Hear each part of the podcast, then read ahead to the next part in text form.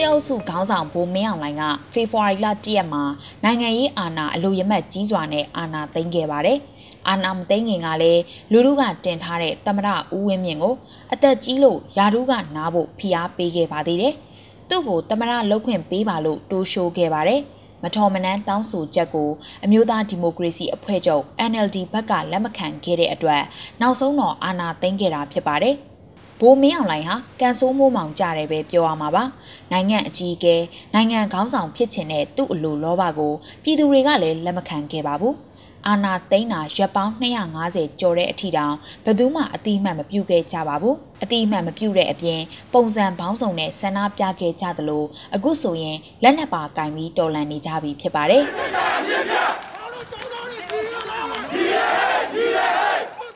ဒီလိုတော်လန်တဲ့အထဲမှာပြည်သူတွေနိုင်ငံရေးသမားတွေအပြင်စစ်တပ်ထဲကမတရားတဲ့စစ်မိန်ကိုမလိုက်နာလို့တဲ့တပ်မတော်သားတွေလည်းပါဝင်ပါတယ်။လူလူဘက်ရက်ပြီးစစ်အုပ်စုကိုစန့်ကျင်ခဲ့ကြပါတယ်။ကိုတာဝန်ကြရာတရင်တက်မကိုဆွလွတ်ပြီးလူလူနဲ့လက်တွဲခဲ့ကြပါတယ်။ဒါကတော့ပေါ်ပေါ်တင်တင်နဲ့ကိုစစ်အုပ်စုကိုစန့်ကျင်တဲ့တပ်မတော်သားတွေပါ။ နောက်ထပ်တစ်မျိုးကတော့ဒီကနေ့တော်လန်ရေးအင်အားစုတွေကချစ်စနိုးနဲ့ဖျဲသီးလိုနာမည်ပေးထားတဲ့တက်မတော်သားတွေပဲဖြစ်ပါတယ်။သူတို့ဟာတရင်တက်မတွေကိုမစွန့်လို့ပဲလူထုဘက်ရက်တီသူတွေပဲဖြစ်ပါတယ်။သူတို့ဟာပြင်ပမှာတော့စစ်တပ်လက်အောက်ခံတက်မတော်သားတွေဖြစ်တယ်ဆိုပေမဲ့အတွင်းမှာတော့လူထုဘက်ရက်တီတယ်၊ညီရဲတယ်၊ပြက်သားတယ်ဆိုတဲ့သဘောနဲ့ဖျဲသီးလို့အမိကင်မွန်တက်ခံရတာပါ။ သူတို့ဟာအကြောင်းမျိုးမျိုးကြောင့်လူလူနဲ့ပေါ်တင်လက်တွဲတာမဟုတ်ပေမဲ့အာဏာယူတဲ့စစ်အုပ်စုရဲ့လုပ်ရက်ကိုမထောက်ခံပဲပြည်သူနဲ့အတူဒီမိုကရေစီအရေးဖက်ဒရယ်ပြည်ထောင်စုတည်ထောင်ရေးစိတ်တွေပြည့်နှက်နေသူတွေဖြစ်ပါတယ်။သူတို့ဟာကိုတရင်တက်မာတဲ့နေရင်းနဲ့ပဲပြည်သူတော်လှန်ရေးအတွက်အရေးကြီးအရေးပါတဲ့သတင်းအချက်အလက်တွေကိုတက်ပြင်ပထုတ်ပေးပြီးတော်လှန်ရေးမှာတနည်းတစ်ဖုံနဲ့ပါဝင်နေသူတွေလည်းဖြစ်ပါတယ်။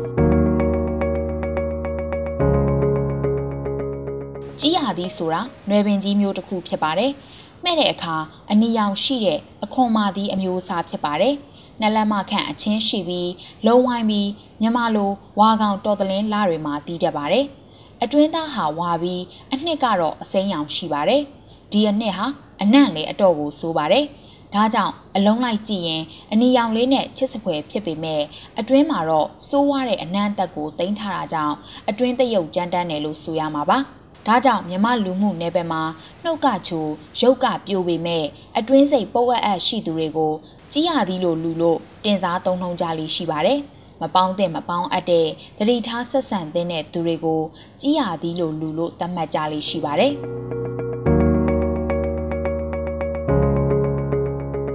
ဒီကနေ့စစ်အာဏာရှင်စန့်ကျင်ရေးຫນွေဦးတော်လှန်ရေးမှာဖရဲသီးလိုလူတွေစစ်တပ်ထဲရှိနေသလိုလူလူဘက်မှာလည်းကြီးရသီးလိုလူတွေရှိနေပါပြီ။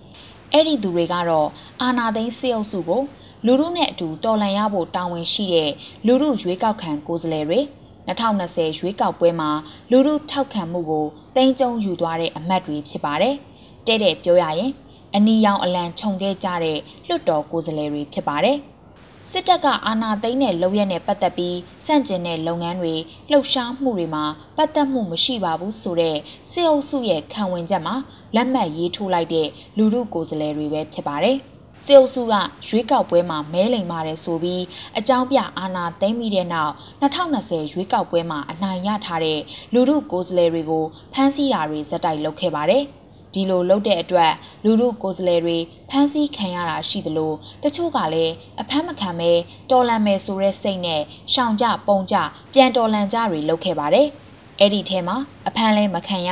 တုံ့ပြန်တော်လန်မှုလည်းမလုပ်ကြတဲ့လူလူကိုယ်စားလှယ်တချို့ဟာစစ်အုပ်စုကခိုင်းတဲ့အတိုင်းတော်လန်ရေးနဲ့မပတ်သက်ပါဘူးဆိုပြီးခံဝင်ချက်မှာလက်မှတ်ထိုးခဲ့ကြတာဖြစ်ပါတယ်။တနည်းပြောရရင်စစ်အုပ်စုနဲ့ပူးပေါင်းဆောင်ရွက်လိုက်တာပဲဖြစ်ပါတယ်။လုံခြုံရေးကြောင့် ကျန်းမာရေးကြောင့်စသည်စသည်ဖြင့်အကြောင်းမျိုးမျိုးစင်ကြေအမျိုးမျိုးတက်ပြပြီးလက်မှတ်ထိုးခဲ့ကြတာပါ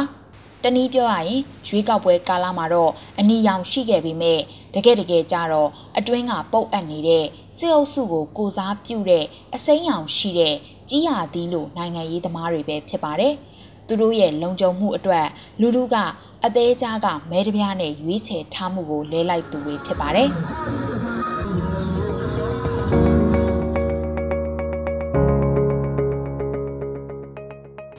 သီးတွေနဲ့ပတ်သက်လို့သူတို့ရဲ့မိခင်ပါတီကြီးကိုတိုက်ခိုက်လူတာတော့မဟုတ်ပါဘူး။ဒါဟာရွေးကောက်ပွဲအနိုင်ရရင်ပြီးရောဆိုပြီးလူကိုမကြည့်နဲ့ပါတီကိုပဲကြည့်ဆိုတဲ့မူဝါဒကိုကင်ဆွဲခဲ့မှုရဲ့နောက်ဆက်တွဲဆိုးကျိုးတွေကြောင့်လို့ပဲအရှိတိုင်းဝေဖန်ရမှာဖြစ်ပါတယ်။ရွေးကောက်ပွဲအောင်နိုင်ရေးတစ်ခုတည်းကိုကြည့်ခဲ့တဲ့ရလဒ်တွေကြောင့်ဖြစ်ပါတယ်။ ဒီမူဝါဒအလုတ်ဖြစ်ပါမလားဆိုတာနဲ့ပတ်သက်လို့သတင်းမီဒီယာတွေကပါတီတာဝန်ရှိသူတွေကိုတာဝန်ကြေကြေမေးမြန်းမှုတွေလုပ်ခဲ့ကြပေမဲ့ပါတီက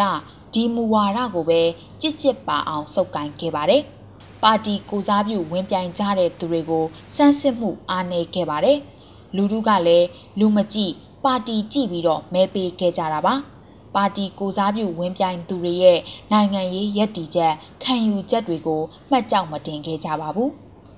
ပါတီရဲ့ရွေးကောက်ပွဲအောင်နိုင်ရေးမူဟာရေတိုအတွက်ကောင်းခဲ့ပေမဲ့တော်လန်ရေးကာလမှာခံယူချက်ရည်တည်ချက်နဲ့ပတ်သက်လို့မှတ်ကြောက်တင်မခံနိုင်သူတွေကိုမွေးထုတ်ပေးခဲ့တယ်လို့လူလူရဲ့မဆန်းစစ်နိုင်ချက်ကလည်းဒီလိုလူတွေကိုနိုင်ငံရေးစင်မြင့်ပေါ်တင်မိရသားဖြစ်သွားစေခဲ့ပါတယ်။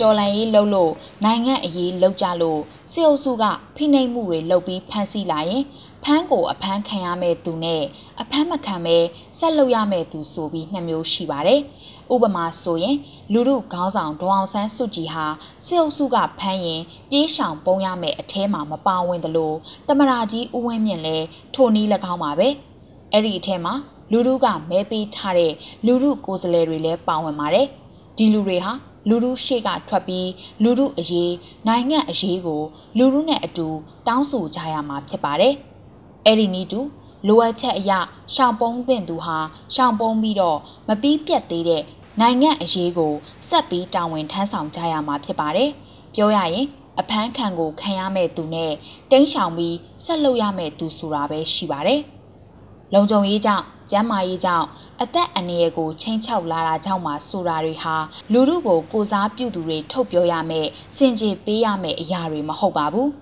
ဒါကိုလူလူကလည်းပြက်ပြက်သားသားထုတ်ဖော်ဖို့လိုအပ်တယ်လို့သက်ဆိုင်ရာမိခင်ပါတီတွေကလည်းပါတီစီးမြင်စည်းကမ်းတွေအရအရေးယူဖို့လိုအပ်ပါတယ်